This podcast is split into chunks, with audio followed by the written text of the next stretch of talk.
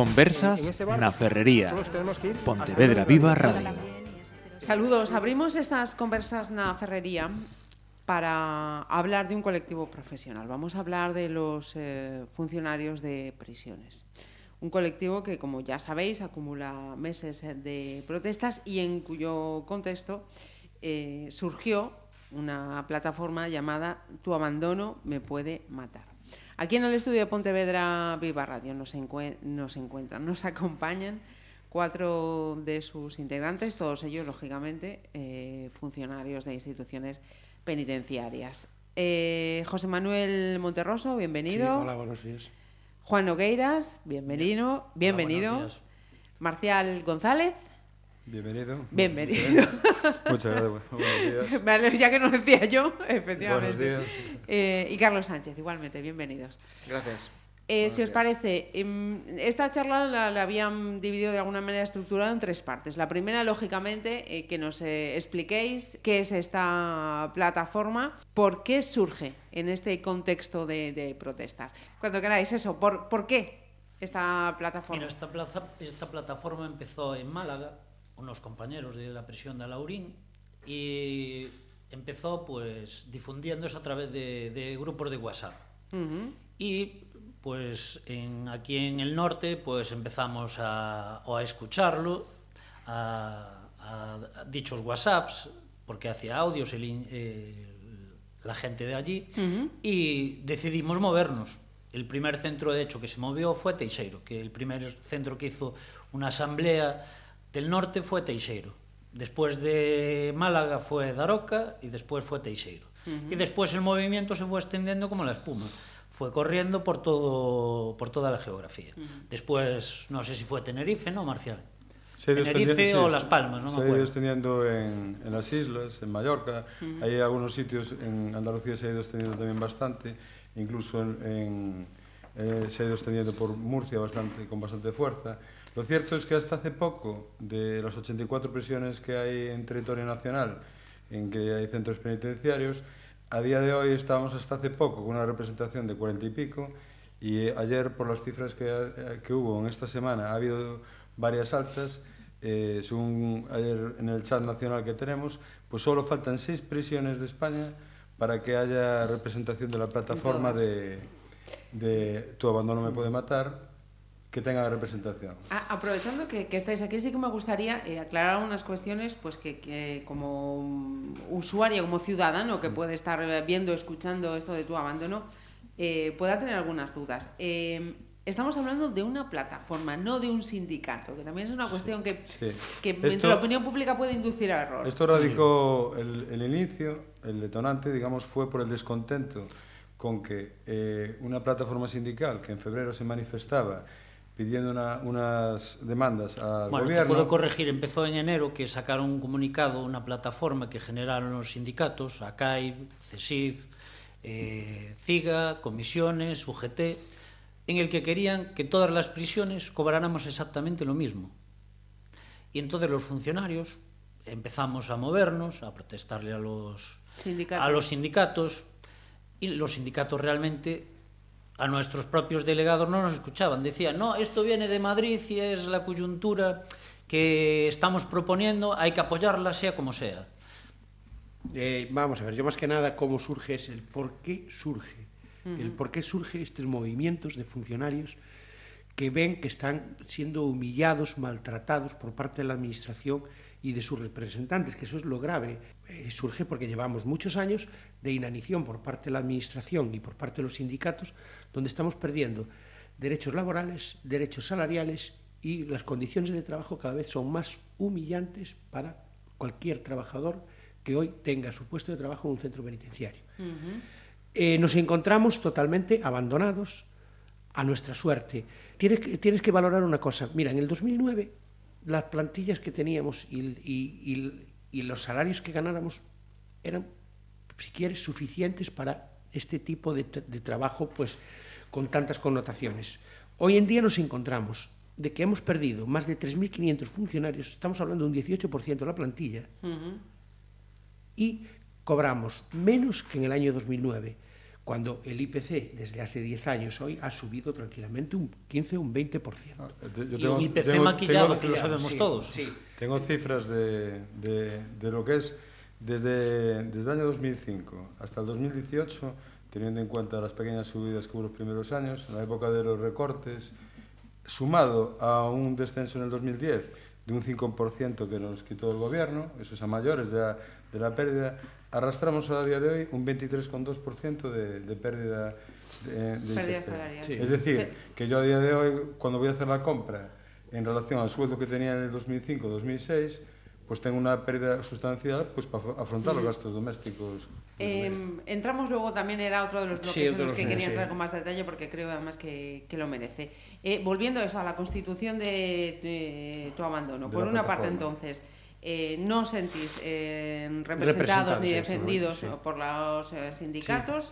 Eh, sentís que también eh, la administración o Nos las administraciones os tiene abandonados y también que la, la sociedad desconoce, desconoce, el trabajo que hacéis, cuántos sois. Sí, y, porque y la sociedad realmente de nosotros solo ve cuando hay una mala noticia, uh -huh. que muere un interno, que hay un incendio en una prisión, que, cual, eh, que un interno de permiso se da por eh, que no se ha fugado de la cárcel, cuando realmente lo que ha pasado es que no ha regresado del permiso. Es que, eh, claro. Y en la sociedad tú eh, sí, pones... Esta, esta charla ya la he tenido, sí. sí, eh, es, sí, es un punto que es muchísimo, porque la mayor parte en prisiones ahora mismo fugas, no sé cuántos años hace que no hay ninguna fuga, uh -huh. pero ponen interno fugado en la prisión, realmente ha salido de permiso y no ha regresado del permiso.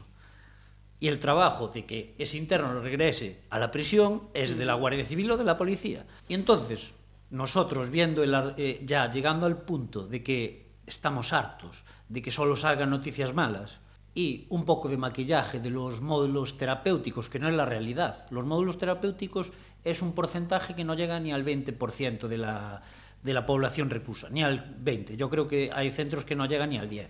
Y nosotros hacemos un trabajo que es imprescindible. Nosotros hacemos todo, dentro de la prisión hacemos todo, absolutamente todo. Solo hay que darse cuenta de que es la sociedad la que hace y, o ingresa a estos individuos, a estos por, por cometer delitos. Uh -huh. Pero tenemos que visualizar todo este problema porque la sociedad, o sea, no desaparece el interno cuando la policía lo deja en un centro penitenciario. Uh -huh. Sí, una vez que termina ese juicio eh, condenado a tal y parece que ya para el resto no, no, de la sociedad ya, sí, ya termina, ¿no? Ya no, no termina, es, decir, Bernardo uh -huh. Montoya, eh, lo, eh, los, el asesino de de Marta del Castillo, toda esta gente la tenemos nosotros en prisión, o sea, no han desaparecido, no han muerto. Entonces, eh, nuestro, eh, nuestro propósito, como nos encomienda la Constitución, su artículo 25.2, es eh, la reeducación y reinserción social. Pero para poder reeducar y reinsertar a esos individuos a la sociedad, tienes que tener medios y personal. Y sobre todo, muy importante, formación. O sea, nosotros no tenemos formación para tratar a esta gente que pueden tener eh, distinto tipo de enfermedades. Pueden desde, desde, ser unos psicópatas, pues tener unos delirios tremens. Nosotros no, no podemos tratar a esta gente así. No somos especialistas en poder distinguir uh -huh. qué tipo de tratamiento le puedes ofrecer a un interno que está en un Nosotros trabajamos, como Porque... dice mi compañero, con prueba-error. Uh -huh. ¿Sabes? Tú a un interno, hoy hablas con él y ves que si hablas muy correcto, el interno se revela, porque hay internos que ante la autoridad se revelan. Uno de los casos más claros lo tenéis hoy aquí en Alama, eh, yo, eh, Fabricio. Es un interno que no le gusta para nada la autoridad. De hecho, nos ve a nosotros y es como si viera a un monstruo directamente, ya nos quiere atacar. Entonces, tú tienes que hacer prueba, ensayo, prueba, error de cómo comportarte con cada interno, de ir evaluando y sin lo que dice mi compañero, sin formación. Hablaremos de, de ese apartado cuando entramos en, si os parece, en, el, en la parte sí. que quería dedicar a vuestras reivindicaciones sí. y a vuestros derechos. Eh, sí me gustaría también que pongamos eh, un contexto, ¿no? Para que quienes nos escuchen eh, se, se sitúen. Eh, decía Marcial, además, tenéis yo aquí la cifra más o menos, nos has dado el número exacto, 84 centros penitenciarios en España. Sí, actualmente, eh, como antes hablamos, preguntabas el tema de la plataforma, cómo, su, cómo surgía este inicio, porque me imagino que la audiencia el tema de prisiones pues no lo tiene, no es una información, trabajamos muy de muros para adentro. Uh -huh. eh, a raíz del descontento que surgió eh, después de, digamos que a principio de año, el tema de sindicatos que no se aclaraban en qué postura adoptar ante unas demandas conjuntas a la Administración, pues inicialmente Málaga, pues eh, digamos que se unieron toda la plantilla eh, y lo que crearon fue una plataforma Fue un inicio, hicieron actuaciones como acampada, dieron visibilidad con vídeos colgados y dieron la visibilidad con la acampada. La acampada en las puertas lo que buscaba simplemente que los medios supieran la, la verdad que, que, hay dentro. La verdad que por motivos de seguridad muchas veces teníamos que ocultar, porque claro, nosotros somos una gente que está expuesta. El hecho de estar hoy aquí nos podemos estar arriesgando un expediente por revelar información reservada. Nosotros tenemos que tener mucho cuidado qué, qué datos podemos podemos Hacer decir públicos. en los medios, -huh. pero es normal, eso lo asumimos y lo tenemos claro. Aquí damos datos generales que hay. Y esa gente empezó en, en, en, en Málaga. De ahí se fue extendiendo por España adelante. Entonces, ahora el escenario, la fuerza que está teniendo la plataforma, no es solo porque tenga un, sea un movimiento fresco y sea un movimiento de carácter sindical. Aunamos a los trabajadores penitenciarios, tanto laborales como funcionarios, que lo que queremos es dar voz a todo lo que está sucediendo y que Tal como dice Marlaska, eh, los débiles, que es como califica los internos, son los débiles en el sentido de que debemos velar por su seguridad. Pero para velar por su seguridad necesitamos plantilla, necesitamos gente y unas condiciones. Y las condiciones son las de los funcionarios y trabajadores penitenciarios que estamos dentro de las prisiones. De ahí que este movimiento haya tenido en, en tan poco tiempo una expansión tan grande. Si el escenario que vemos, uh -huh. los, los funcionarios, los trabajadores, es que los sindicatos están persiguiendo puestos, cursos, dinero y demás, y realmente eh, lo pone que es un sindicato, una asociación que defiende los intereses de los trabajadores. Actualmente es, parece que están defendiendo sus, sus intereses. Entonces nosotros lo que buscamos no somos antisindicales, lo que buscamos es que ellos se muevan. Mm. Yo estaba mejor en mi casa, con mi familia, realizando cuestiones que tener que desplazarme aquí. Y lo hago Porque hay un punto de inflexión en que dices, basta ya. O nos movemos y explicamos a la gente nuestras condiciones de trabajo, que son penosas, que son peligrosas, que estamos mal pagados, que nos falta gente. En Hacienda puede haber 10 ventanillas para atender al, al público. Con la, con la crisis se han ido cerrando ventanillas. Quedarán dos ventanillas, la fila será más larga, la gente estará descontenta. Pero yo, en un patio, no puedo estar solo con 150 personas. Eso no es de recibo. Porque está mi integridad y cómo separo yo una pelea de dos internos agresivos. Si somos dos o tres funcionarios, los separamos y no hay daño ni para funcionario ni para interno. Uno solo te arriesgas a, a tener, como tuvimos hace dos días, una confrontación y, y en un espacio de año y medio yo llevo tres agresiones. O sea, si yo llevo tres agresiones y hay 24.000 funcionarios, digamos que, que 12.000 pueden ser funcionarios de interior, las cifras que está dando la Secretaría General no son reales. Porque él entenderá que 228 agredidos en España no le parezca suficiente, pero graves. Pero ¿y las otras? ¿Qué, ¿Qué entendemos por agresiones? Cuando una persona tiene que estar mes y pico de baja y 20 sesiones de rehabilitación no le parece suficientemente grave. Aquí nuestro compañero, que está aquí presente, ha tenido que ser intervenido quirúrgicamente por una agresión. Intervenido quirúrgicamente, aunque él no lo quiera decir, tiene tres placas en la cara y diez tornillos. Eso es el regalo que le ha dado la, eh, un interno por realizar su trabajo. ¿Por qué? Porque las condiciones de seguridad que tenemos no son las idóneas. Uh -huh. Por eso, por esto eso surge ahora, porque la gente dijo que ya, va, que ya basta. Vamos a ver, eh, yo eh, quiero incidir sobre todo porque eh, nos están tratando y nos van a tratar después de, esta, de, de estas entrevistas. Eh, nosotros no somos un grupo político, nosotros no somos un grupo sindical. Uh -huh. Nosotros somos asindicales y apolíticos. Es decir, es mentira lo que se está trasladando a los medios que somos un movimiento que queremos terminar eh, pues con un gobierno, con una forma de gobernar, con unos sindicatos. Es mentira. Uh -huh. Es decir, llevamos mucho tiempo, concretamente más de un año, con estas reivindicaciones. Uh -huh. Lo que es que estas esta reivindicaciones no eran visibles, pero yo les recuerdo a los señores políticos y a los señores sindicatos que este, estos funcionarios aún no estaban recogidos en, en la plataforma de tu abandono, se estaban manifestando en febrero del año pasado en Madrid a las puertas de la Secretaría General de Instituciones Penitenciarias. Uh -huh.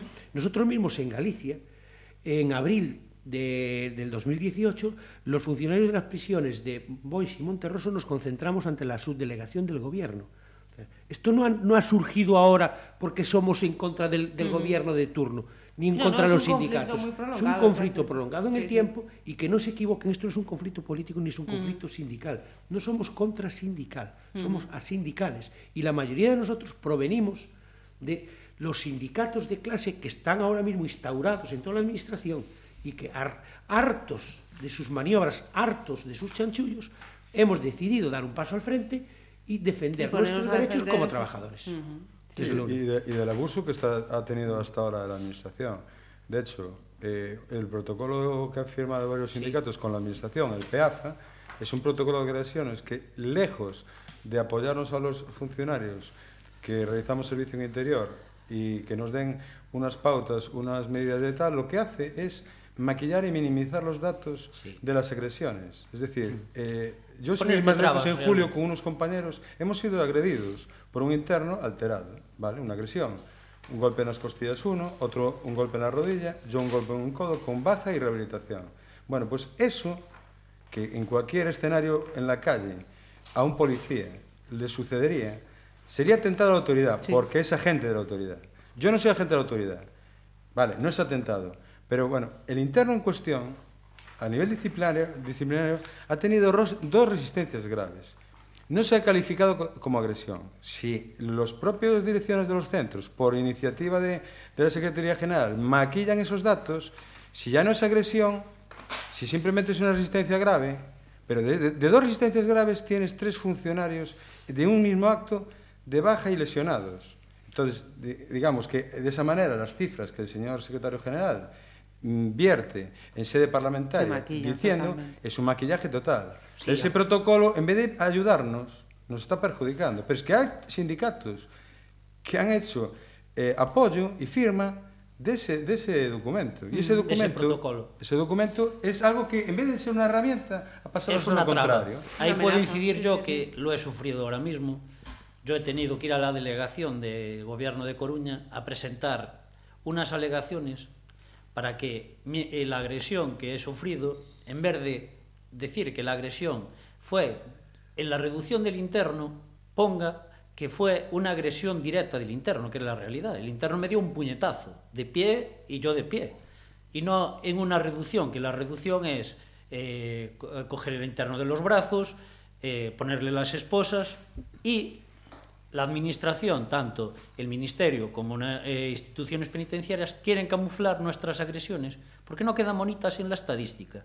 Y lo que no es de recibo es que yo lleve un golpe tan gordo, me tengan que operar, y después de operarme me tenga que preocupar de presentar alegaciones, tener que ir a, a, realizar el dicho protocolo y aún tener que justificarlo otra vez más. Es decir, están poniendo trabas a tu propio trabajo y culpabilizándote. De hecho, nosotros desde, desde Teixeiro, a, a- a raíz de lo que le pasó a los compañeros, pues hicimos una concentración delante de la delegación de gobierno para reivindicar que se revisara esa calificación de derecho y no fuera fruto de una reducción y, y- y se documentara como la agresión. Porque lo triste de todo esto, lo que es ilógico, lo que nadie le cabe en, en su cabeza, es que eh, tú, reduciendo un interno, te puedes lesionar. Cualquier persona intentando aplicar la fuerza física mínima para poder eh, inmovilizar a, a, un individuo alterado puede resbalar y ya das un golpe. Pero eso no es un acto directo de la, del individuo.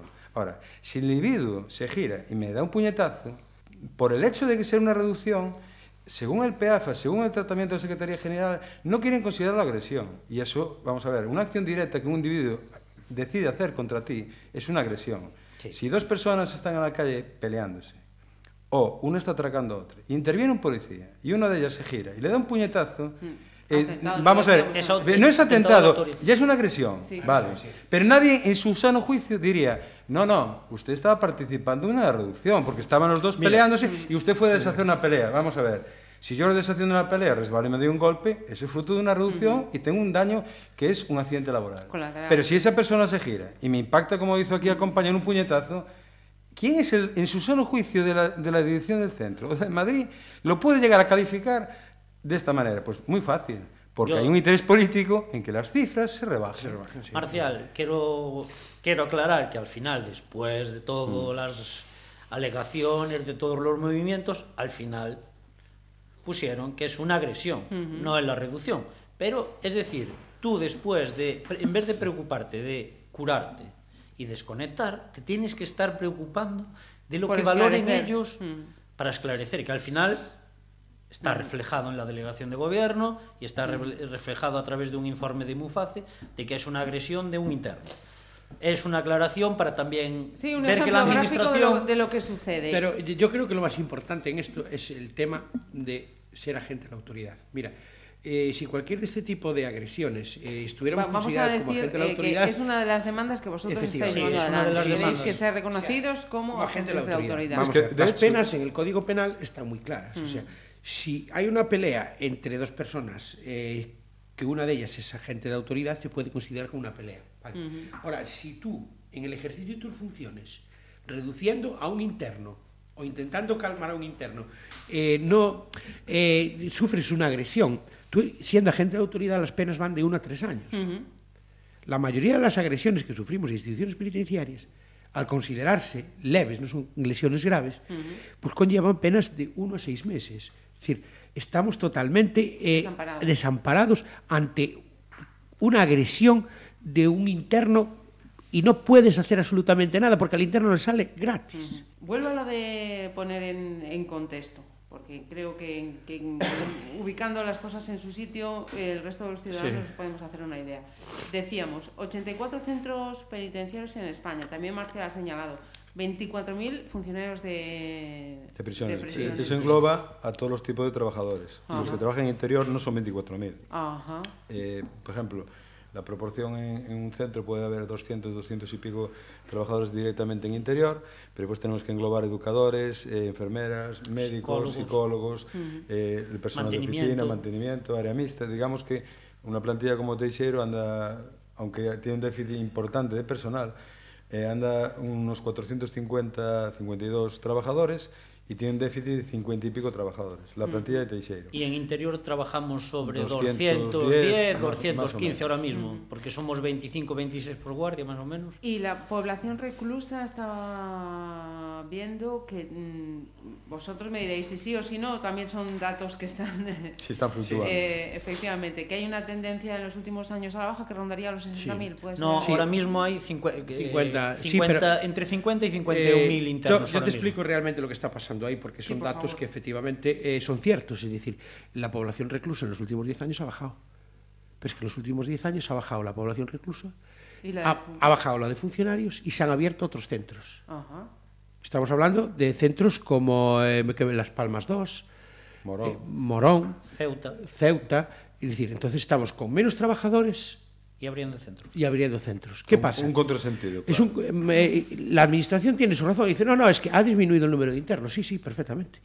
Pero es que ustedes han creado, han, han abierto 7 o 8 centros para 3.000, 4.000, 5.000 internos. ¿Qué ha hecho la administración? reducido? ¿Qué ha hecho la administración? No, pero abrimos los centros, pero ahí tenéis menos gente. Claro, efectivamente. Antes en un patio había 3, 4 funcionarios para atender a 150 internos y ahora quedan dos. Dos. O uno. o uno. Y lo, lo que es también es, eh, no digamos que ridículo, pero sí paradojo, eh, es una paradoja, es decir, que abres un centro tipo donde tienes 10 módulos, tienes eh, salón de acto, tienes bibliotecas, tienes eh, muchísima, aulas para poder trabajar con ellos y la mitad del centro está totalmente inhabilitado porque no hay gente para poder abrir esas dependencias, Están trabajando bajo mínimos. bajo mínimos. Abren un centro y es normal. Al principio, cuando empezaron con los centros típico, tipo, hacían así. Pero es que ahora hay centros como el de León que han optado por cerrar módulos. No sé cuántos módulos tiene cerrado, pero León debe tener, no sé si cuatro módulos cerrados. Porque las plantillas que llegaron a León, pues eran plantillas ya mayores, que tenemos un problema de ve- envejecimiento muy grande, de- y Mm. la gente se va jubilando o muriendo directamente. Y si no hay reposición, pues si había 450 funcionarios en 2004 cuando abrió, en 2003, pues ahora mismo a lo mejor hay 300 y pico funcionarios. Con lo cual han tenido que ir cerrando módulos, desplazando internos o masificando módulos. Entonces tienes a lo mejor a dos funcionarios con 55 años eh, con internos que tienen 20 y pocos. Y vigorésicos y unas condiciones y físicas que aparte son gente preparada. Sin ir más lejos tenemos a, el ejemplo cercano de un campeón madrileño de Muay Thai y de artes marciales muy violento, que simplemente el, el día que ingresó, lógicamente venía por un escenario violento en la calle y demás, pues ha matado a su compañero de celda. Lo ha matado con sus puños. Por el simple motivo de que quería dormir en la, litera. en la, litera. de arriba. Claro, ¿cómo, ¿Cómo reduces tú con cerca de 50 años que tenemos la media en Teixeiro, que no bajamos de 50 años, ¿cómo reduces tú a una persona que su preparación física de artes marciales, cinturón negro, ha competido en varias competiciones, ha quedado de campeón en varias de ellas? ¿Cómo reduces una persona de un metro noventa y pico, con una, una masa muscular exagerada. Pues entre tres o cuatro personas, aquí es el número, nosotros trabajamos con números, es decir, uh -huh. lógicamente, en vez de ir tres o cuatro funcionarios, y vamos cinco o seis para que cada uno intente agarrarle una extremidad para reducirlo, pero tú sabes ya de, de, claro que una persona que sabe pegar, al primero que se le acerque, le va a dar. Sí, o sea, uno va a recibir o dos. ¿Qué pasa? que nos dicen, bueno, ustedes prepárense, pónganse su chaleco antiagresiones, pónganse su casco, sus defensas y actúen. Muy bien. Yo estoy en el patio, hay una pelea, Si yo no voy armado como si fuera una tortuga ninja de los dibujos animados. Yo mi traje, mi ropa de trabajo, es una ropa que difiere bastante de la ropa que lleva la policía para actuar sí, en cuestiones sí. de, de aplicación de fuerza física.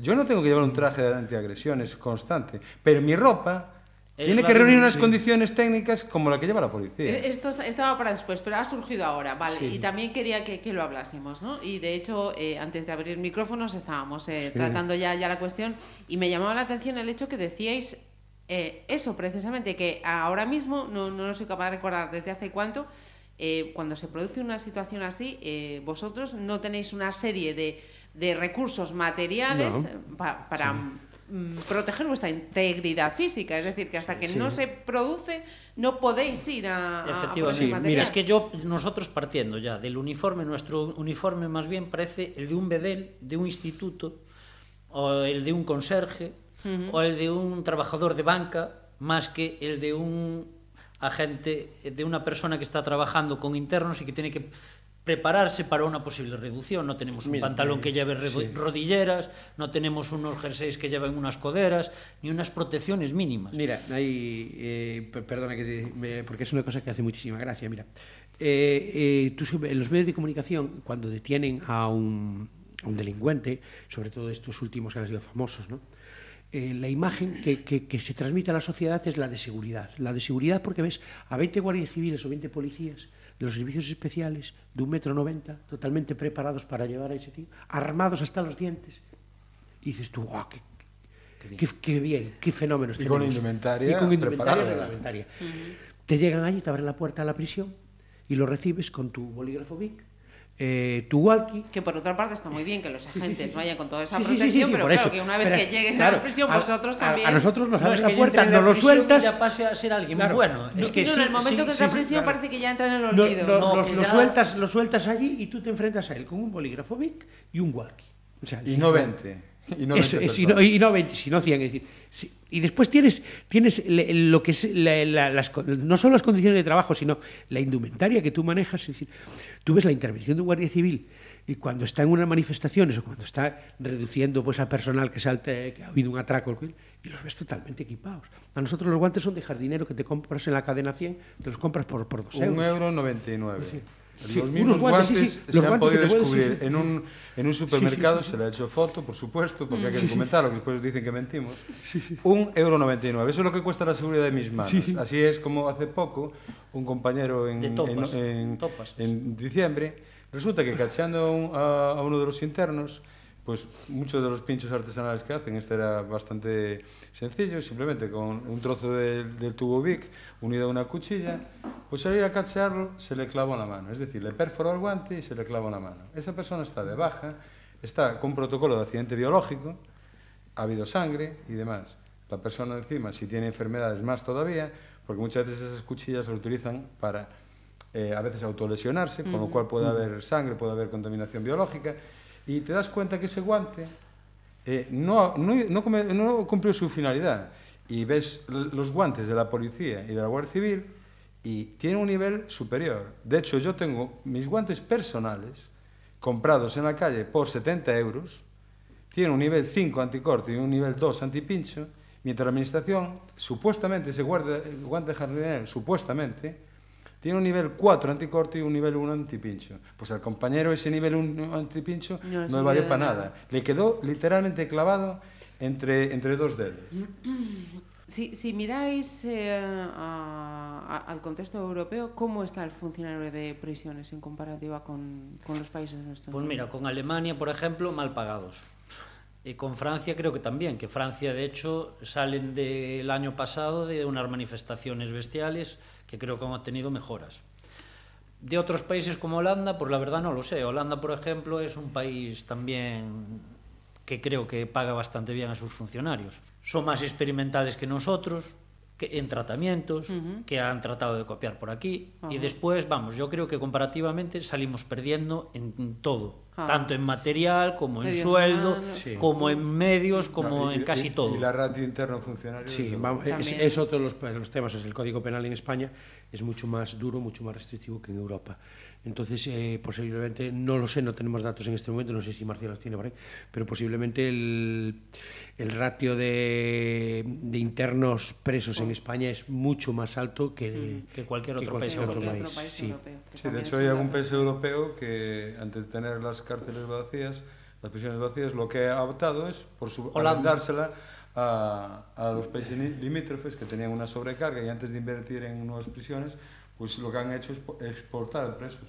Es una manera de rentabilizar, economizar. Ah, Nosotros ah. también, eh, a, a, la administración, que ya que no está a favor de subirnos el sueldo, de, de, que parece ser que no hay dinero, que es un poco la justificación, un poco el detonante también que ha habido últimamente, de que sientes a la gente con una propuesta, de que sientes a la gente con una propuesta eh, y de repente, dos días después la retires, que eso fue una tomadura de pelo a todo el, vamos, a todo el medio penitenciario uh -huh. exagerado. O sea, no puedes plantear tú mismo una propuesta a los sindicatos y de repente a los dos o tres días decir que era un estudio.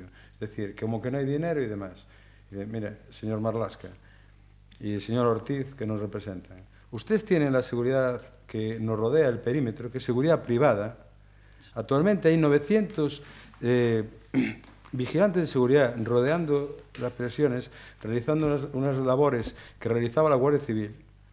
Y ustedes, en su momento, el gobierno de turno vendió a la opinión pública un dato que era para economizar, era para ahorrar. Claro, si ustedes eh, han dicho que el sueldo de un, guardia civil son unos 1.500 euros, más o menos, y el de un, una persona de vigilante de seguridad son 1.200, cualquier persona que sepa un poco de matemáticas piensa que está ahorrando usted 300 euros y le parece una medida acertada. Pero nunca nos han querido de, de decir el dato cuando se ha preguntado de cuánto era, realmente el coste, hasta que llegamos al momento presupuestos y lo vemos reflejado. Simplemente con una calculadora, dividiendo el importe global de lo que cuesta la seguridad del perímetro de vigilancia privada entre el, número de, de, de vigilantes, nos da que por ejemplo, 60.238.000 euros es lo que cuesta la seguridad privada presupuestada que, que, presupuestada que rodea a las prisiones. De, no, a 2 de febrero sí. de 2018 sí. en el Consejo Eso, de Ministros. Ese dato, ese dato lo que hace que dividimos entre 900 vigilantes, cuesta cada vigilante 66.000 euros. No, es casi 67.000. Sí, porque son 66.900. Eh, es decir, que con, con, comparado con lo que co cobra un guardia civil bruto, que esto también hablamos de cifras brutas, que ronda los 30.000, hoy, a día de hoy, un guardia de seguridad está cobrando más, o sea, no que cobre el guardia de seguridad más, la está, la empresa está recibiendo más dinero que lo que sería el sueldo de dos guardias civiles. Entonces yo la propuesta es algo sencilla. Contrate usted 900 guardias civiles, de los 60 millones, denos la mitad para la subida a prisiones, con otra mitad va a poder pagar a 900 guardias civiles que van a rodear el perímetro y haciendo un cálculo entre 24.000 funcionarios, a mí me da una cuenta de unos 90 euros al mes que usted podría subir. Eh, ya que estamos hablando de que no hay dinero, pues ya le estamos abriendo otra vía. las cuentas. Otras cuentas, por, por eso lo fácil. Por, hace por eso poco lo nos dijeron que había que hacer cuentas de ahorro. Eh, mira, es que la, lo de la seguridad privada en las prisiones es algo que suena a cachondeo. Mira, cuando, cuando, cuando nace lo de la seguridad privada, eh, el gobierno de turno era decir, no, es que vamos a meter toda la, toda la Guardia Civil que está custodiando las prisiones, lo vamos a meter en la calle y va a aumentar la seguridad ciudadana. A patrullar la ciudad. Mentira. Es mentira porque, por ejemplo, en Teixeiro lo ganaron. Mentira. Lo ganaron Mira. los guardias civiles que tenemos el doble. Tenemos a los guardias civiles Sí. y a los es, eh, Vigilantes de seguridad. Vigilantes. vigilantes de seguridad haciendo el mismo trabajo. Mira, yo no es quiero decir, entrar- pagas dos veces porque lo ganaron por sentencia que era supuesto. Sí. Es decir, en vez de ahorrar, están gastando el doble de dinero por, por el mismo trabajo. Sí, sí, sí. Eh, yo no quiero entrar en que eh, si eso sería una medida acertada si se llevara a nivel nacional. ¿no? Es decir, efectivamente, pues se necesita más seguridad en la calle, se necesita más policía y tal. Pero para hacer eso tienes que hacer un plan integral sobre lo que cuesta mantener la seguridad exterior de las prisiones.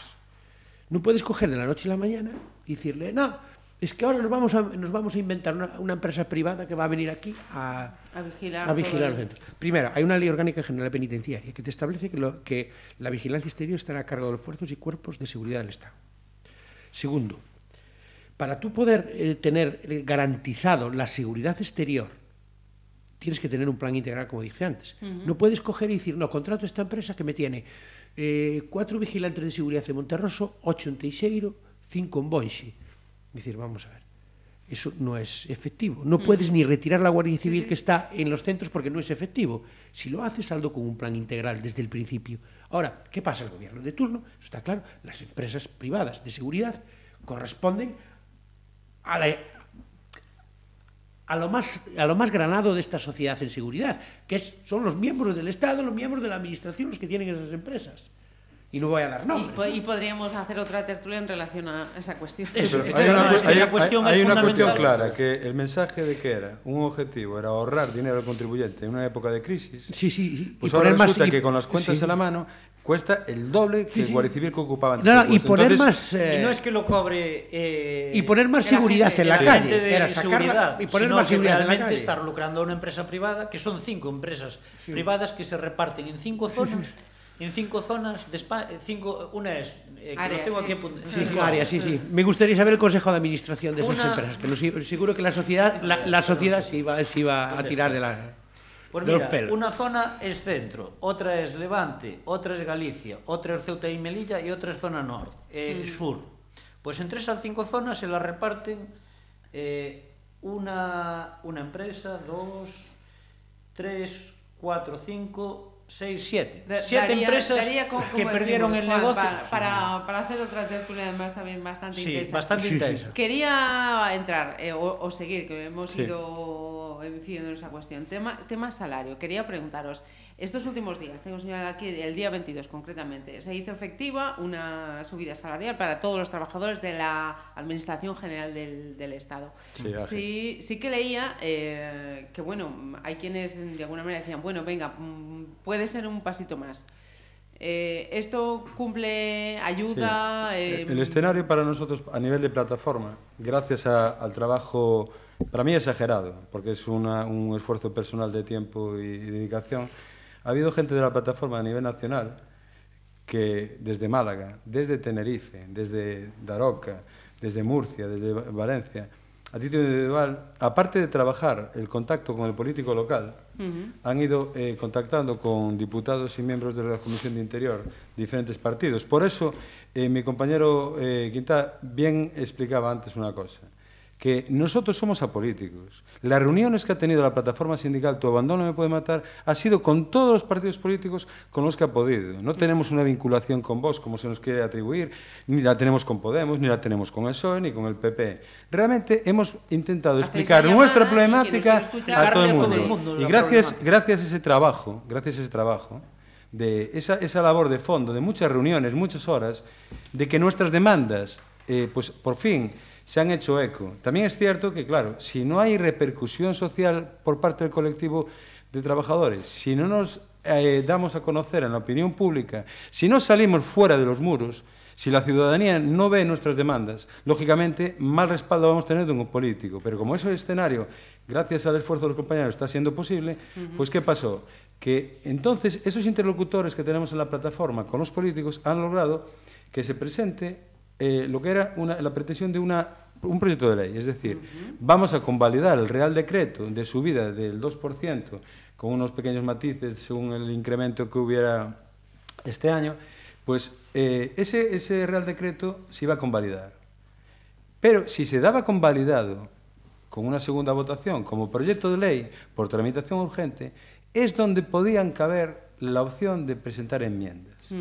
Es ahí el escenario nuevo que, se no- que nos ha surgido plantea. gracias al trabajo de gente altruistamente que no cobra, que no tiene días, que no tiene horas, que destina tiempo y dinero personal o, o a escote, a escote entre sus plataformas para poder venir. Sí, sí. Eh, han logrado hacer que el Partido Popular en concreto presentara un proyecto de ley En el eh, Congreso. en el Congreso, o sea, que fuera tramitado la votación después de convalidar el Real Decreto por una mayoría aplastante, tanto es así que solamente hubo dos abstenciones y un voto en contra. Es más, contra todo pronóstico, hasta el PSOE eh, Votó. votó. Y en la siguiente votación, más todavía. O sea, incluso eh, se mejoró es- es- esa votación. O sea, no, no se puede decir unanimidad porque había solo tres votos bailando. Entonces, ahora hay un escenario en que había 15 días para presentar una enmienda, que lógicamente el PP ya la tiene preparada. Es una enmienda en que lo que se busca es la equiparación salarial con nuestros homólogos en Cataluña, igual que la policía, y la Guardia Civil buscaba la equiparación. Entonces, ¿qué va? Ahora empieza el debate político, el, estudio de enmiendas, pero ahora se abre una vía. Si el otro día simplemente se convalidara por vía ordinaria ese Real Decreto, no estaríamos hoy hablando de ese trabajo, que es gracias al esfuerzo de compañeros míos que he tenido la oportunidad de conocerlos. Eh, la plataforma Mira, se ha constituido como asociación. Eh, en el puerto de Santa María el día 19 ha pasado de ser una plataforma a sindical simplemente a ser una asociación, se ha constituido como, como asociación y he tenido eh, la posibilidad de conocer a compañeros del territorio nacional y he visto el esfuerzo que han hecho y el, el otro día en Madrid, en- el martes, que estábamos literalmente rodeando el Delante Congreso, del- no porque no nos dejaron, teníamos que estar aglutinados en la plaza de enfrente, Est- estuve con contacto con la gente, entraban y salían, contactaron con, todo el día con, con los diputados y gracias a eso esa votación. Ahora viene la siguiente, que es ahí donde el resto de los trabajadores de España penitenciarios se tienen que volcar, porque realmente es nuestra demanda. Si un gobierno es capaz de, con su presupuesto, darle un dinero a una comunidad autónoma y ella es capaz de pagar un sueldo digno y justo, di los Mossos de Escuadra, di los funcionarios de prisiones catalanes, si es capaz, con el dinero que sale del Estado, ¿cómo no va a ser capaz el Estado de pagarnos el mismo sueldo a nosotros cuando se está ahorrando un intermediario?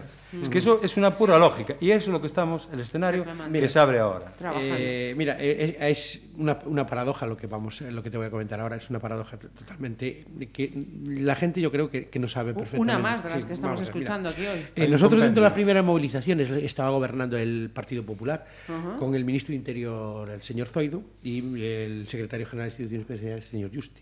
Nosotros nunca nos dieron nada. Nunca. Éramos, éramos como, la- como los olvidados del Ministerio del Interior. ¿Sabes quién nos ayudaba? ¿Sabes quién nos ayudaba en esos momentos cuando estábamos? Pues Partido el. Partido Socialista, a través de sus portavoces en sede parlamentaria, eh, Zaida Cantero y David Serrada, eh, enmiendan, eh, elevan una enmienda a los presupuestos diciendo que los funcionarios de prisiones están en unas condiciones lamentables, tanto en su nivel eh, de trabajo como en sus niveles salariales, y que piden que se desarrolle eh, una subida salarial y unas mejoras en condiciones de trabajo. Bien, nosotros eso lo, lo cogimos como hay alguien que nos, que nos está haciendo caso, que, que está llamando la atención sobre el partido que está gobernando en esos momentos. Nuestra, la paradoja viene cuando eh, se produce eh, la moción de censura y es el PSOE el que está gobernando y resulta que Y estando gobernando, no, el, PSOE el PSOE estando gobernando todo lo que habían dicho y todo lo que habían propuesto en sede parlamentaria que está en los Reflejado en las actas. reflejado grabado en vídeo y todo. No, no hay nada, no somos, no queremos nada. Y ahora es el Partido Popular el que nos está ayudando a conseguir apoyando. y apoyando a conseguir. Es una más. Eh, No, pero eso demuestra, eso Sí, demuestra es que realmente no tenemos una vinculación política. No, y Porque si, nosotros- no- si nos quieren achacar que, que tenemos una vinculación hacia la derecha, hacia un lado o hacia otro, Claro, realmente el que nos estaba apoyando hace, como quien dice, hace dos días, Sí, sí, sí. era el Partido Socialista. No Sí, todo lo que somos son trabajadores penitenciarios. Y aquí hay de todos los colores y formas. Y formas, Lo efectivamente. único que el son- problema es que seas un cheque en blanco para Efectivamente, ahí era la Eso No, paradoja. somos decir, un cuerpo extraño llegar- dentro- No, que quería hacer unha aclaración moi importante. Nosotros estamos dentro de la AGE, que son todos los funcionarios. Yo estoy considerado como igual que un funcionario de Hacienda, un funcionario del Ministerio de Agricultura, y como has escuchado, nuestro trabajo creo que tiene muy poco que ver. Tenemos área administrativa, tenemos área de oficinas, nosotros también hacemos trabajo burocrático, Sí, sí, pero sí. aparte del trabajo burocrático, hemos estado explicado lo que nos pasa. Nosotros nos dedicamos a descolgar internos que se, han, eh, que se tratan de suicidar, de llevarlos en camilla rápidamente porque se han cortado, de meternos en medio de una pelea para que un interno no le clave un cuchillo o un pincho, como se dice en términos Sí, carcelarios, otro interno, no tenemos mucho que ver con lo que es decir donde nos han metido, porque nos han metido los políticos. Nosotros no teníamos que estar ahí para nada, pero nos han metido ahí por somos un cuerpo extraño dentro de la administración totalmente. Entonces, ahí es uno de nuestros graves problemas a la hora de subidas salariales, porque nosotros no nos contemplan como si fuéramos un cuerpo especial dentro de la administración, totalmente. Y somos un cuerpo totalmente distinto al resto que hay. Es la Guardia Civil no está contemplada como un funcionario como Hacienda o la policía. Nosotros, des- la Guardia Civil y la policía también desarrollan trabajos administrativos, pero también salen a la calle a disolver manifestaciones, a detener un asesino. Por nosotros hacemos ese mismo trabajo dentro de cuatro un muros concreto, sí. Sí, y eso no lo ve ningún político. Ajá. Bueno, pero sí es un problema, vamos a ver, el problema de pertenecer a AGE, yo creo que eh, hablamos antes de los, de los sindicatos, ¿no? Los sindicatos de clase, eh, comisiones, UGT, CESIF, ACAI, ACAI que no era de clase y ahora se ha convertido en sindicato de clase. Eh, lle- llevamos mucho tiempo, muchos años diciendo que nosotros queremos sector. Si nosotros no somos un funcionario que está en una ventanilla eh, dando turnos. La policía está dentro de, de- de la función pública, está dentro de AGE, pero tiene un sector. Aduanas tiene un sector. Eh, mismo en Galicia, lo que es el personal que trabaja para Sergas, es- están sector- sectoralizados. Es decir, nosotros necesitamos un sector. Nosotros somos AGE, pero nosotros necesitamos un sector. Nosotros no hacemos, no tenemos la Necesitamos la un cuerpo, un cuerpo especial, Especial, dentro del funcionariado. De hecho, De ten- hecho, tenemos el perjuicio, Claro, tenemos un perjuicio, perjuicio, claro, pero es que ahí es donde juegan, ahí es donde juegan los sindicatos. Nosotros no podemos nunca quisieron, concursar nunca a otros quisieron, ministerios ni sí, ellos pueden a nosotros, porque nuestra labor específica No pide que un sí, administrativo de. Hacienda, Sí. un administrativo de Hacienda igual puede concursar al administrativo de la Seguridad Social, Sí. por ejemplo, o, de otro ministerio. ¿Por qué? Porque digamos que su trabajo tiene una similitud que le, permite concursar. Nosotros no. Entonces, si a nosotros no se nos permite concursar, ni a esa gente, porque tenemos un carácter especial, resulta que después no nos quieren reconocer ese carácter especial en un sector que englobe esas características especiales. Entonces, eh, tenemos lo, lo malo, pero no lo bueno. Sí, sí, no, es que la, es la lucha, de, la lucha eh, que, que nosotros llevamos desde hace muchísimos, muchísimos años, que no somos un sector típico de AGE. Pero ¿qué pasa? Lo- luchamos contra eh, los sindicatos de clase, en este momento, comisiones, UGC y CESIF, que como somos tan pocos, representamos pues unos granitos de arena. Y Pero ahora tampoco cae, les ahora también- interesa, tampoco les interesa que, salir, que nos saquen de AGE. Mira, esto que estáis diciendo también guarda relación con otra de las reivindicaciones, que es el tema de formación. Sí. Sí, porque el tema de la formación es algo que desde la, pla- desde la plataforma es una de las demandas que tenemos dentro de todas las peticiones, que son largas, ya ves que, que nuestro, nuestro trabajo tiene muchos Sí, el frentes. tenéis Sí, tenemos muchos frentes abiertos. Si estuvieran curados desde hace años, no tendríamos que estar hablando hoy de ellos. El tema de la formación es algo dantesco. O sea, no puedes, mm, la administración no puede eh, dejar en manos de unos sindicatos eh, la formación. Es decir, De no puedes dar un cheque en trabajadores. blanco para que den los cursos que van a capacitar a sus propios trabajadores para desempeñar ese trabajo.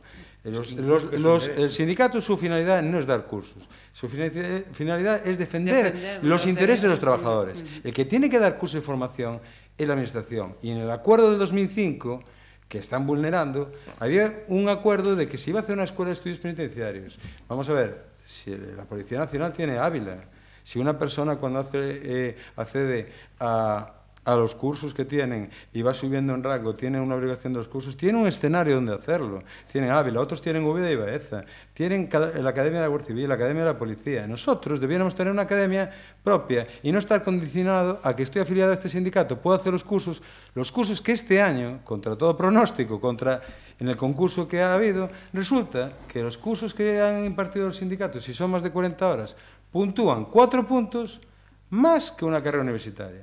Vamos a ver.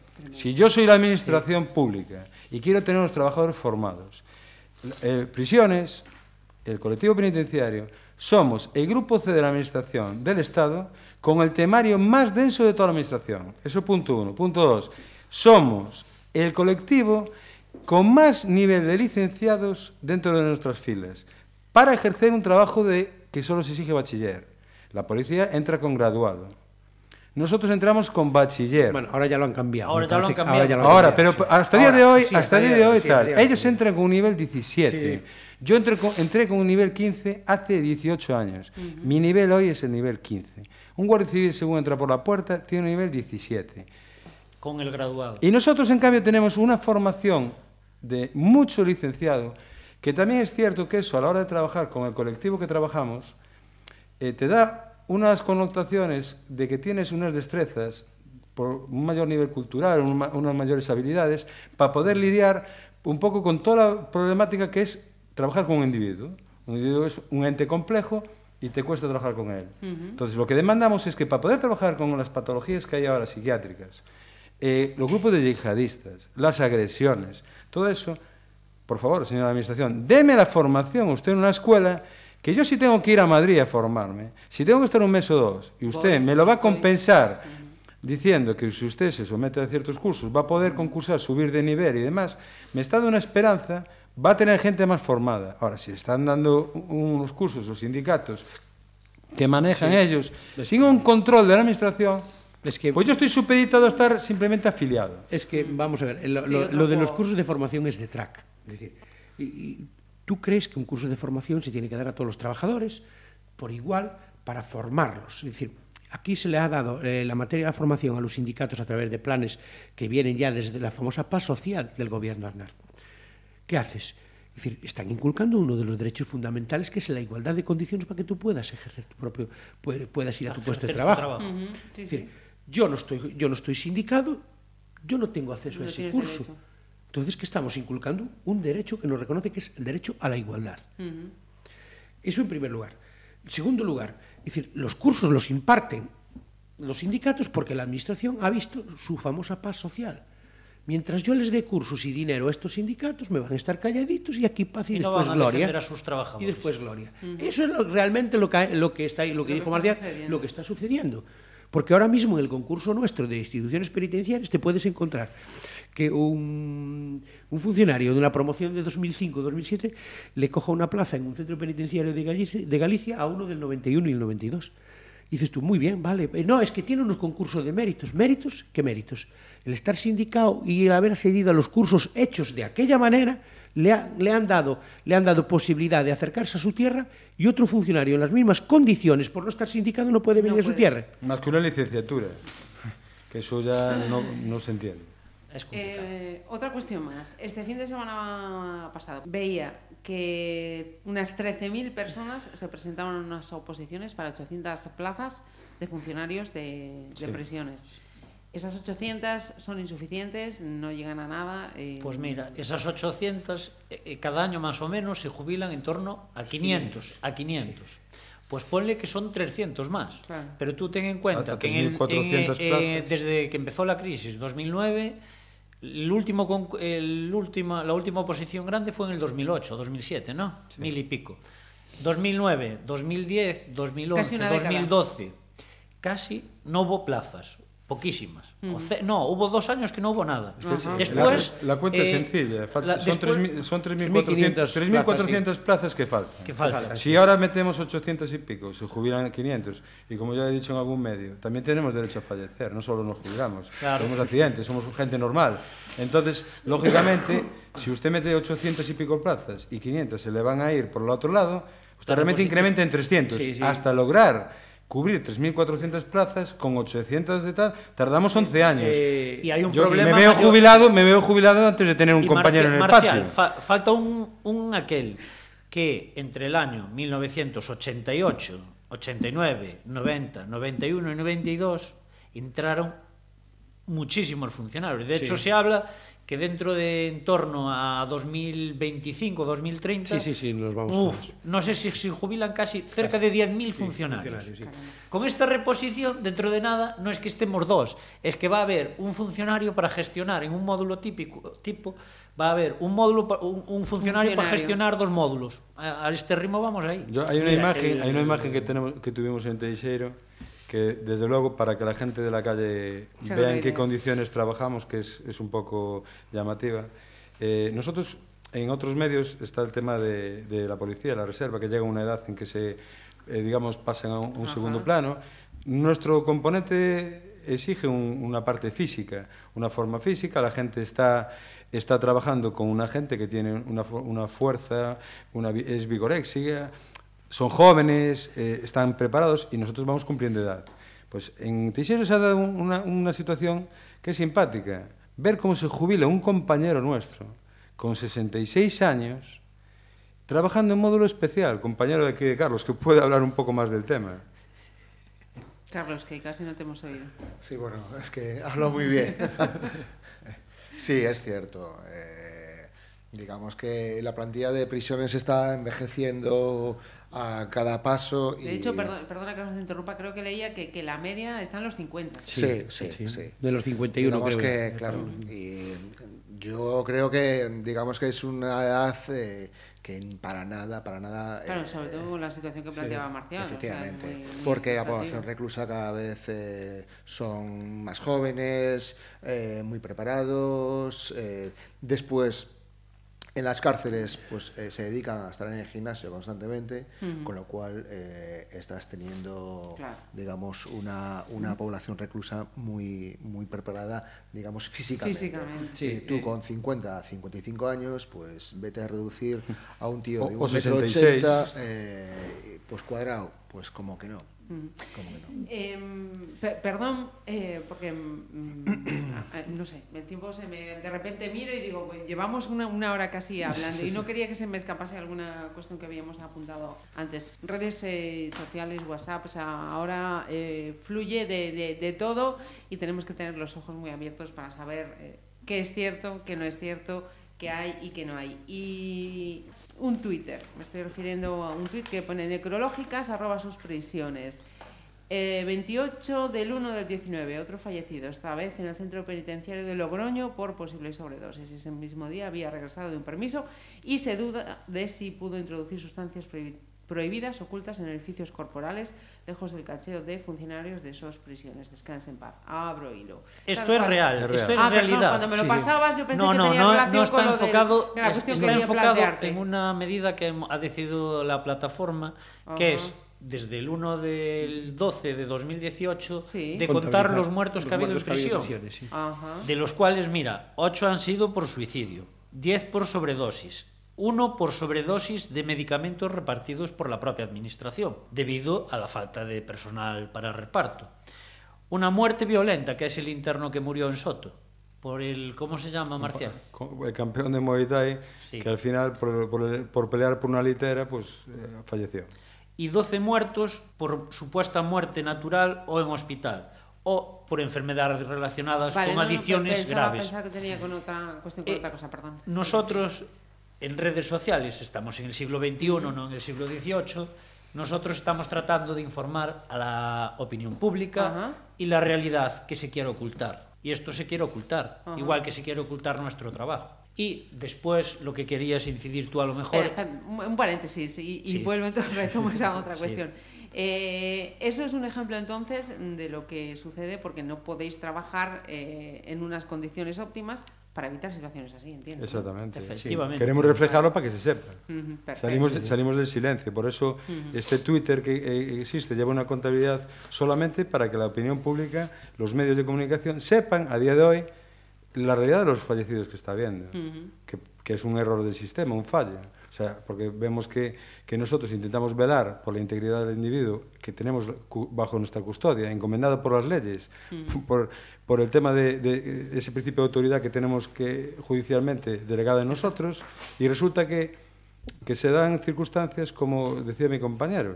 Eh, vamos a ver, si no hay personal para administrar la medicación día a día, pues lo que se está haciendo en prisiones es que se da dos veces en la semana, para tres días o cuatro días. A un politoxicómano se le da la medicación para todos esos días y para él un día se ve con toda una bolsa de pastillas, tiene una llamada a casa, cualquier hecho fortuito, e de repente, pum, se toma unha sobremedicación. Uh -huh. Nosotros vamos corriendo con él, no aparecemos despois reflejados, oh, mira, los, eh, los funcionarios han salvado a vida a este interno, o que se colgó, le han logrado salvar la vida. No, no aparecemos, eh, uh -huh. aparecemos y fallece. Uh -huh. incluso, tampoco, porque ya vemos que la, la Dirección General, la Secretaría General tampoco se ocupa sí, mucho sí. de de airear este tipo de eventos. Más bien son los medios de comunicación que se enteran uh -huh. por familiares de que ha fallecido De hecho, un es otra de las reivindicaciones. Sí, sí, sí. La policía, la Guardia Civil, Protección Civil, tienen un portavoz, que el portavoz de Pontevedra de la Guardia Civil, y sale hablando. En prisiones pasa cualquier cosa y no sale hablando nadie. O si pasa algo grave, sale hablando el ministro, el secretario general o de instituciones gobernativa. o el delegado de gobierno. O mejor ahora, el invento nuevo que acaba de hacer la Secretaría General. Eh, a raíz de, de- de la incidencia que está teniendo la plataforma en salir de este silencio que un poco la sociedad y un poco la Secretaría General y todo nos ha ido obligando con el tiempo, motivos de seguridad y motivos de interés. Eh, hemos salido del silencio. Estamos diciendo a la opinión pública lo que realmente sucede en España en las prisiones, dentro y fuera. Nos estamos dando a conocer. Bueno, pues entonces la Secretaría General, en vez de crearnos un portavoz y una cuenta de Twitter oficial en que publique todos estos datos, no, lo que ha hecho es nombrar a una, a una persona, eh, representante, portavoz de prensa, que su primera eh, actuación ha sido mandar una carta a los directores de Tres Folios, felicitándole, por supuesto, las fiestas y diciéndole que tenían que salir los directores más en los medios de comunicación para contrarrestar lo que estábamos haciendo nosotros. Es decir, según ella, una voladura controlada de la información. Si ustedes, señores directores, tienen alguna noticia grave y fuerte en sus centros, denla pronto a la prensa para nosotros poder minimizar lo que esas camisas negras están haciendo, porque lo único que están haciendo es soltando falsedades, porque nosotros hacemos muchas cosas buenas. Y vamos a ver, claro que nosotros reconocemos las cosas buenas. Es que las cosas buenas las estamos haciendo nosotros. Que los que estamos trabajando entre las prisiones, haciendo esas cosas buenas, esos premios que se dan eh, anualmente a la policía, esas medallas que da la policía, o la Guardia Civil, o prisiones, yo no he visto muchos funcionarios de prisiones condecorados por salvar la vida en extremis, embadurnados de sangre, de una persona que se ha cortado en seis puntos diferentes de su cuerpo y la ha taponado con toallas corriendo en una camilla. Yo no veo nadie condecorado por eso. Sí. Entonces, digamos que eh, la voladura controlada de información que pretende la Secretaría General ahora es nombrar a una persona de prensa que, como ha hecho, para contrarrestar lo que nosotros estamos vertiendo. Más ¿Por qué? Porque es la verdad. información. Porque es la verdad. No ganamos nada Otra, mintiendo. Otra de las causas, porque lo- no somos unos administrativos ágiles, es decir, eh, lo que dicen mis compañeros es cierto. Eh, te dan cinco horas en un curso de bombero y eres el bombero profesional para apagar el incendio. Aquí de los en- que estamos, yo no sé cuántos, pero yo he, por lo menos he estado en cinco incendios. Sí, sí. yo ya soy un bombero. sí, sí. Yo, de hecho, los cursos que nos da el bombero de Coruña, el, el jefe de bomberos de Coruña, yo he hecho ese curso dos veces. Yo ya sé lo que tengo que hacer cuando hay un incendio. Pero es por prueba error. No, con un curso de cinco horas tú crees que eres un bombero.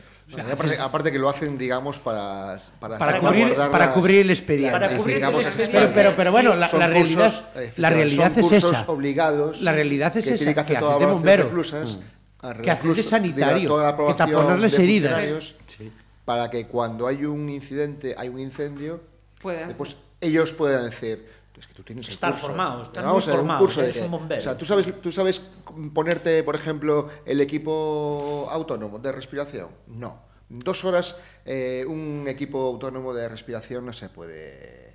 Bueno, A nosotros, si, nos qui- si quieren que realmente seamos efectivos, hay que hacer una escuela de formación, como de Sí, manera que de estudios. antes. Allí nos, nos coge, nos dan un curso de primeros auxilios y lo que hacen es que nos den unas condiciones buenas de información de qué, de hacer un RCP, una reanimación, cómo taponarse heridas, cuál es la maniobra más rápida para evacuar un- un- sí, a una las persona. que se te pueden Sí, sí, plantear. Sanitario, bombero, todo eso, eso. incluso todo- para defendernos sin usando la mínima fuerza imprescindible, que es que eso eh, a veces la gente no lo entiende. Para reducir a un individuo alterado, fuerte y demás que te acomete, este domingo tuvimos que hacerlo con una persona alterada. Una persona alterada que en el departamento de ingresos, un primer grado, estaba totalmente alterado y estaba eh, con sujeción mecánica con esposas a espera de que el mando de incidencias decidiera si qué se hacía con él. Si al final, por ese grado de alteración, se iba a llevar una celda aislado o se iba a tener que poner una cama hasta que, digamos, menguara y decayera. Bueno, pues en, en- en esa espera estaba solo una celda. Pues lo que hizo esa persona fue coger carrerilla, dos veces impactar con su cabeza contra la puerta cristalada. Lógicamente tuvimos que entrar rápido para intentar que, que eso repitiera. que no, no lo repitiera, pero nos enfrentamos a un individuo. Pues yo he salido ligeramente contusionado, hemos logrado inmovilizarlo en el suelo y demás. Esa es la realidad que tenemos. Eso es el día a día. ¿Qué, qué pasa? Que estamos, tenemos el síndrome de urgencias. Que el síndrome de urgencias es ese síndrome de la enfermera que trabaja en urgencias y que de repente le viene uno con el corte y dice, a ver, eh, usted tiene el corte en el brazo, no se preocupe, póngase en la fila de la derecha, usted, el que tiene la cabeza colgando en la, la izquierda, porque ya no te impacta, porque estás tan sobredimensionado por la carga de trabajo que a mí viene un interno alterado, hay un interno que se ha cortado, no es nada nuevo. Sí, no es... Eh, habéis pedido explicaciones eh, por una cuestión que se os planteó, creo que me habías dicho en diciembre, ¿no? Sí, hubo ahí Eh, una... una doble amenaza de muerte. Cuéntanos o contadnos, por favor. Bueno, pues eh, mira, eh, voy a introducir una cosa. Mira, el, el 18 de abril sale en prensa eh, la radicalización de 79 reclusos comunes obliga a Interior a reforzar su plan antiyihadista. ¿Vale? Sale en el país el 18 de abril. Abril. Eso es un hecho.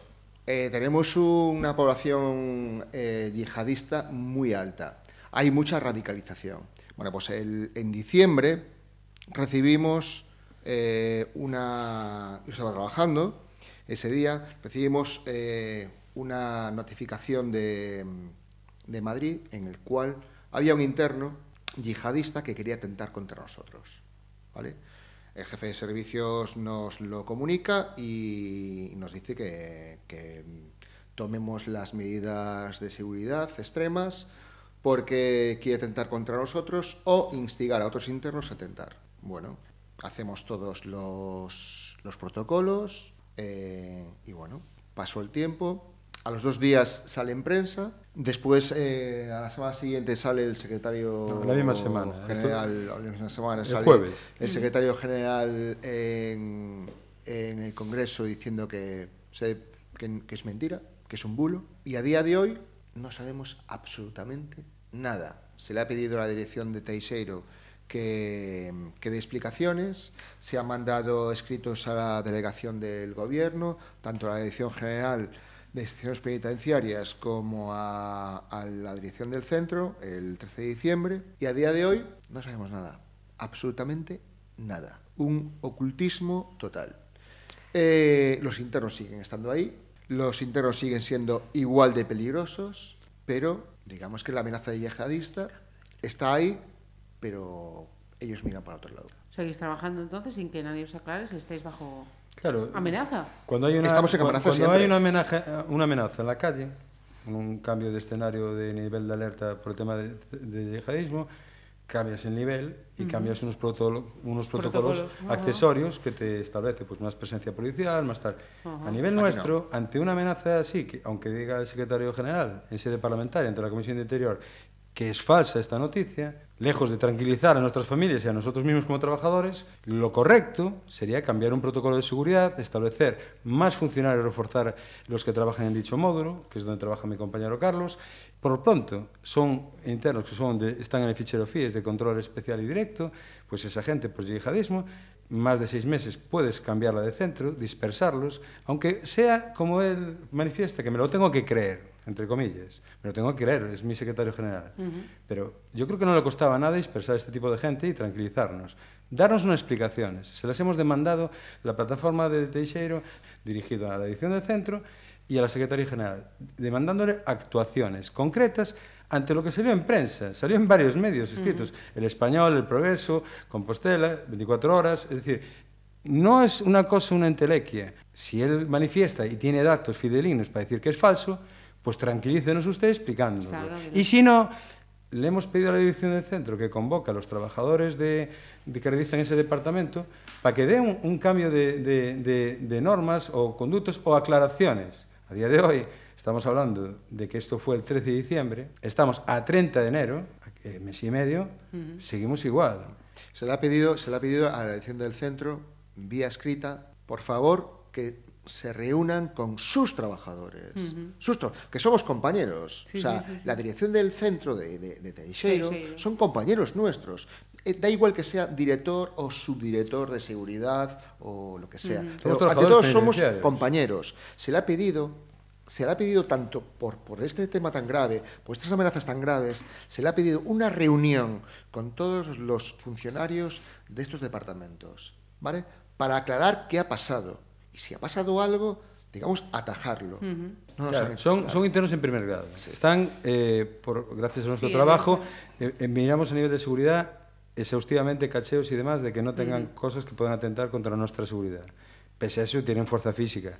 Pero digamos que, por ejemplo, el caso de Fabricio, que es un caso que ahora está en Alama, es interno, eh, a los compañeros en, en Andalucía del centro en el que estaba, se ven las imágenes que se han, salido de los medios de comunicación, les ha tentado con un picho artesanal hecho con una lámina de metal que refuerza el calzado por dentro. Esa lámina de metal es una lámina, una lengüeta de metal simple que simplemente lo que quiere dar rigidez al calzado. Tú puedes cachear un montón de... Pero él descuartiza su calzado con esa lengüeta a la fila y lo usó como puño americano.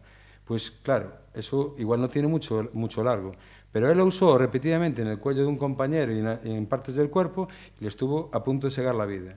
Si ahora hay una amenaza yihadista, no le cuesta nada a un interno con unas simples cuchillas, con un alambrito que coja, ponerse con un bolígrafo, que es lo que hacen, le pegan un corte, lo sueldan y lo utilizan, eh, eh, te lo pasan por el cuello rápidamente, como si te fueran a dar una caricia, y lo que te están es cortando el cuello. Eso, eso la gente en la calle no lo entiende, pero no entiende porque la Secretaría General, lógicamente, no lo publicita. Y el problema es que estamos dirigidos por gente que, que se busca, digamos, unos nichos políticos y que en su vida han entrado en prisión. ¿eh?